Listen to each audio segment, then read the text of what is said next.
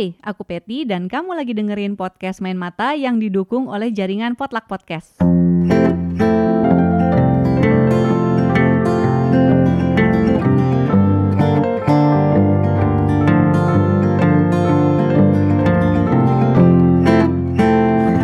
Podcast Main Mata adalah podcast buku yang ngebahas banyak hal seputar dunia perbukuan seperti obrolan dengan para pelaku, mulai dari penulis, penerbit, editor, dan lainnya. Juga ada rekomendasi berbagai jenis buku dan tantangan untuk kamu para pembaca buku. Selain podcast Main Mata, di jaringan Potluck Podcast juga ada podcast-podcast lain yang ngebahas tentang film, buku, seni, dan lain sebagainya. Cek akun Instagram at potluckpodcast, P-O-D-L-U-C-K, untuk info lengkapnya. Di bab kali ini ada dua buku yang direkomendasikan oleh pembaca dan dua buku ini sama-sama sastra klasik tapi berasal dari dua negara yang berbeda yaitu Indonesia dan Jepang. Rekomendasi buku pertama itu dari seorang pembaca bernama Steven Sitongan.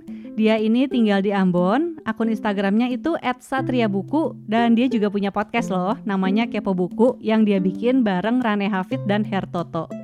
Buku yang direkomendasikan oleh Steven judulnya Gowok.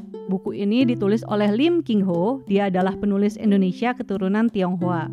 Buku ini terbit perdana tahun 1930-an dan penulisnya sendiri memang lahir dan hidup di era sebelum Indonesia merdeka. Tepatnya dia itu lahir tahun 1905 dan meninggal tahun 1945 di penjara sedihnya karena waktu itu dia dituduh oleh tentara Jepang memimpin gerakan pemberontakan. Seperti apa buku Gowok? Kita dengerin yuk. Jangan sembarang celah yang jelek dan gampang puja yang bagus. Dalam dunia tidak ada yang 100% baik dan tidak ada 100% busuk. Di dalam kebaikan tersembunyi kebusukan. Sebaliknya dalam kejelekan pun pasti tersembunyi kebaikan. Inilah kodrat dari Tuhan. Romano. Halo podcast Main Mata. Perkenalkan saya Steven. Kali ini saya ingin merekomendasikan sebuah buku novel yang berjudul Gowok karya Romano alias Lim King Ho. Buku ini adalah sebuah buku dari kesastraan Melayu Tionghoa dieditori oleh Wahyu Wibisono terbit di November 2019. Novel pendek yang berjudul Gowok ini merupakan novel percintaan yang tidak biasa karena mengangkat sebuah tradisi gowok di mana seorang lajang pria diharuskan mengikuti tradisi gowok sebelum melangsungkan sebuah pernikahan. Novel percintaan ini semakin menarik ketika sang anak lurah ini yang bernama Suganda keberatan dengan tradisi ini.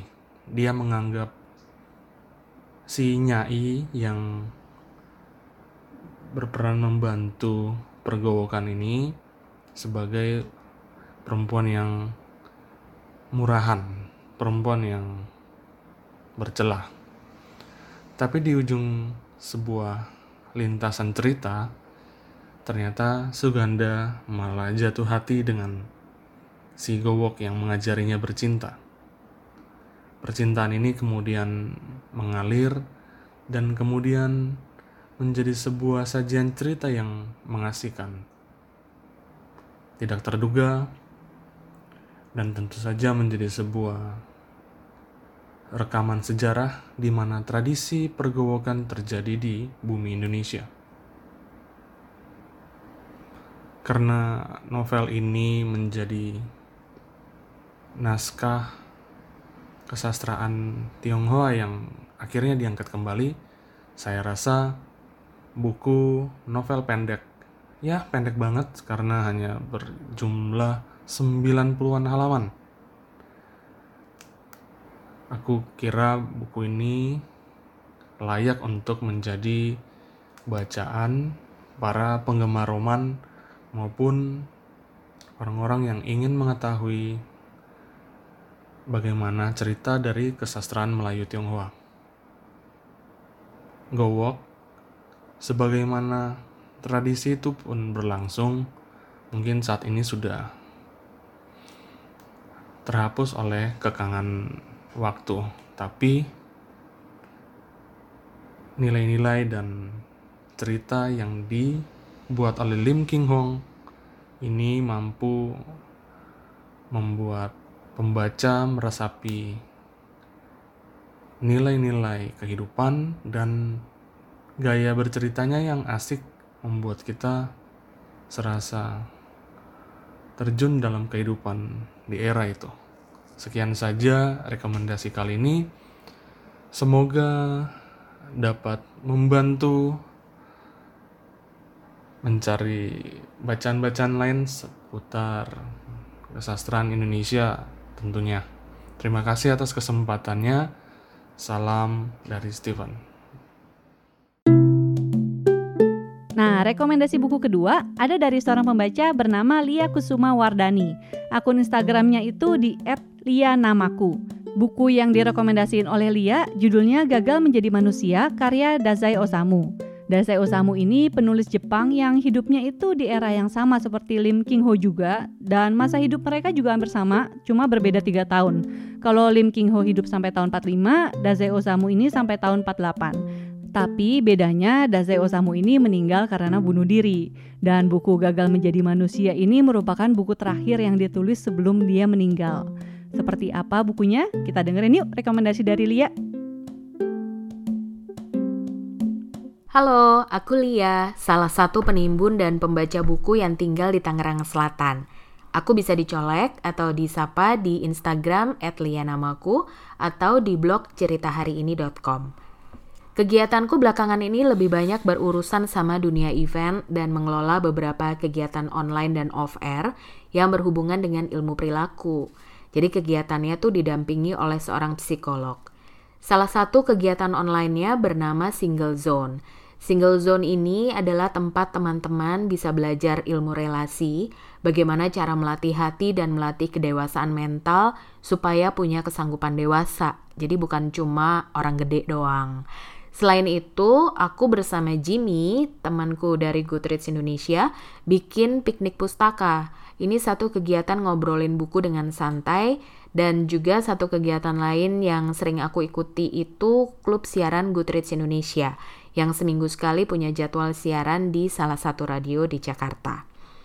Aku ingin merekomendasikan buku berjudul Gagal Menjadi Manusia. Buku ini diterbitkan oleh penerbit Mai di bulan Maret tahun ini dan diterjemahkan langsung dari bahasa Jepangnya oleh Kak Ulan atau nama lengkapnya Asri Pratiwi Wulandari. Tebal bukunya 153 halaman. Bahasa aslinya atau judul aslinya itu Ninggeng Sikaku yang diterjemahkan menjadi gagal menjadi manusia. Ini ditulis oleh Dazai Osamu. Beliau ini seorang penulis Jepang yang terkemuka di abad ke-20 Beberapa karyanya dianggap menjadi karya klasik modern, termasuk buku yang aku rekomendasikan ini. Kabarnya, Ninggeng Sikaku atau Gagal Menjadi Manusia ini adalah novel terlaris kedua di Jepang sepanjang masa.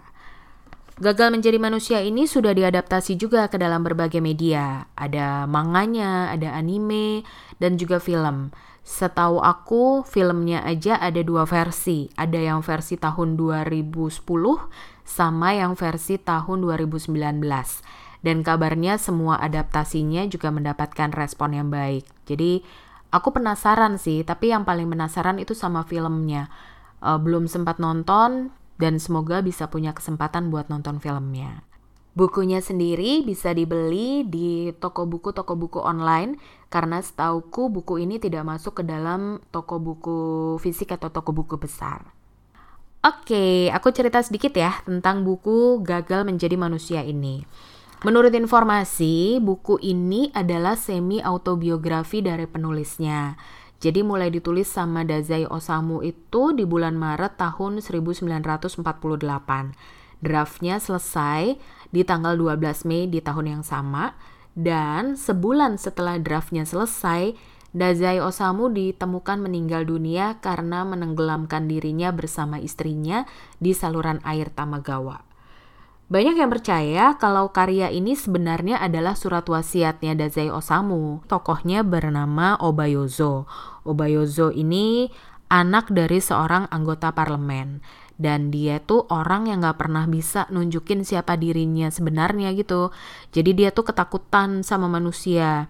Saking takutnya, dia tuh lebih nyaman memunculkan gaya lawak atau selalu dijenaka-jenakain gitu untuk diperlihatkan ke orang-orang yang ada di sekitarnya.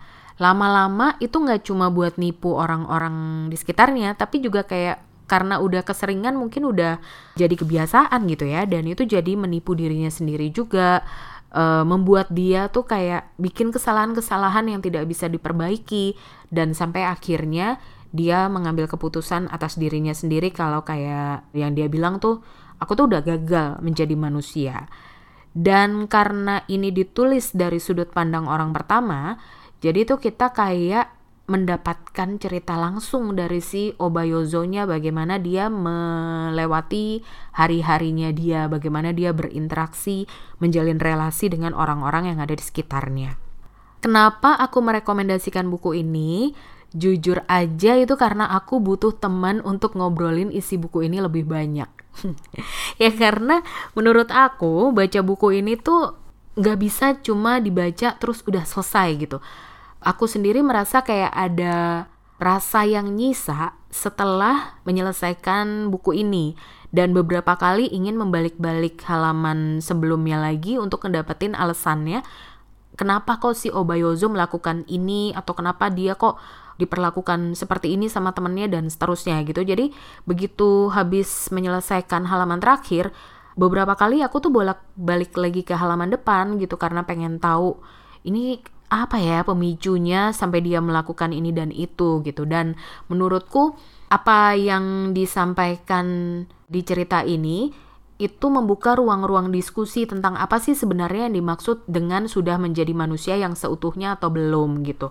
Terus kayak banyak banget hal yang ada di buku ini tuh bikin aku mikir, ini sebenarnya aku tuh sesakit jiwa si Obayozo apa enggak gitu. Karena kan kayak misalnya di buku ini diceritakan Obayozo waktu kecil itu juga melakukan kenakalan-kenakalan kecil gitu ya.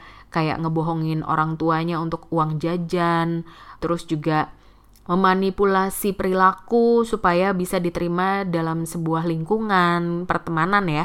Nah, itu kan kayak kayaknya nggak cuma dia deh yang melakukan itu. Banyak orang atau anak-anak lainnya di masa sekolah itu juga melakukan itu. Terus aku juga ngerasa kayak dulu aku juga begitu deh gitu. Terus apa bedanya? Maksudnya kenapa kok orang ini sampai menganggap dirinya tuh gagal jadi manusia gitu? Kan itu kayak sesuatu yang bikin gemes gitu ya. Nah itu aku nggak bisa ngomongin sama diriku sendiri. Jadi kayak pengen punya temen diskusi untuk ngebahas buku ini lebih lanjut gitu. Kalau dibaca kan di buku ini Obayozo itu seperti selalu merasa terasing sama semua orang yang ada di sekitarnya. Jadi dia tuh merasa beda merasa aduh kayaknya gue nggak layak deh disebut jadi manusia gitu. Hidup penuh kepura-puraan terlalu takut ini dan itu. Dan menurutku setelah aku membaca buku ini aku jadi belajar banyak juga soal kesehatan mental sama soal lingkungan pertemanan yang toksik gitu. Karena ada bagian bagaimana dia sangat punya hubungan yang apa ya menghamba sih nggak juga ya. Cuma kayak nggak bisa lepas dari seorang temannya gitu. Terus bahwa perilaku seorang anak itu walaupun dibesarkan oleh orang tua yang sama dengan gaya parenting yang sama gitu ya itu hasilnya bisa beda gitu. Dan bagaimana harusnya orang tua mengasuh dan mendidik anaknya itu juga jadi bikin aku mikir gitu. Oke, kira-kira begitu buku rekomendasi aku. Kalau misalnya ada yang mau baca bareng, kabarin ya. Aku butuh teman diskusi. Terima kasih. Itu dia tadi dua rekomendasi buku kali ini. Terima kasih sudah mendengarkan. Kalau kamu udah baca salah satu dari dua buku yang tadi dan mau kasih komen juga, boleh mention atau DM di Instagram at atau ke at potluckpodcast. Bisa juga ke Twitter di @patipatigulipat. Kalau kamu juga mau rekomendasiin buku yang seru buat orang lain ke podcast Main Mata, boleh banget. Kirimin aja rekomendasi kamu dalam bentuk tulisan atau audio ke email di halomainmata@gmail.com. Formatnya kayak gini. Tulisin atau rekam nama kamu, profil singkat tentang kamu dan akun sosmedmu, kemudian judul buku, penulis dan sinopsis bukunya, dan terakhir alasan kenapa kamu merekomendasikan orang lain untuk baca buku itu. Ingat ya, kirimnya via email ke halomainmata@gmail.com. Ditunggu. Kalau kamu menikmati konten yang kami sajikan, kami akan sangat berterima kasih sekali jika kamu mau merekomendasikan podcast Main Mata ke teman-teman kamu, khususnya yang suka buku. Jangan lupa untuk follow podcast Main Mata di Spotify, beri dukungan juga untuk jaringan Potluck Podcast dengan follow dan subscribe di SoundCloud, YouTube, dan lain sebagainya. Untuk informasi lengkap seputar episode terbaru yang akan tayang dari channel-channel podcast yang ada, Follow jaringan Potluck Podcast di Instagram @potluckpodcast. P O D L U C K ya. Dadah.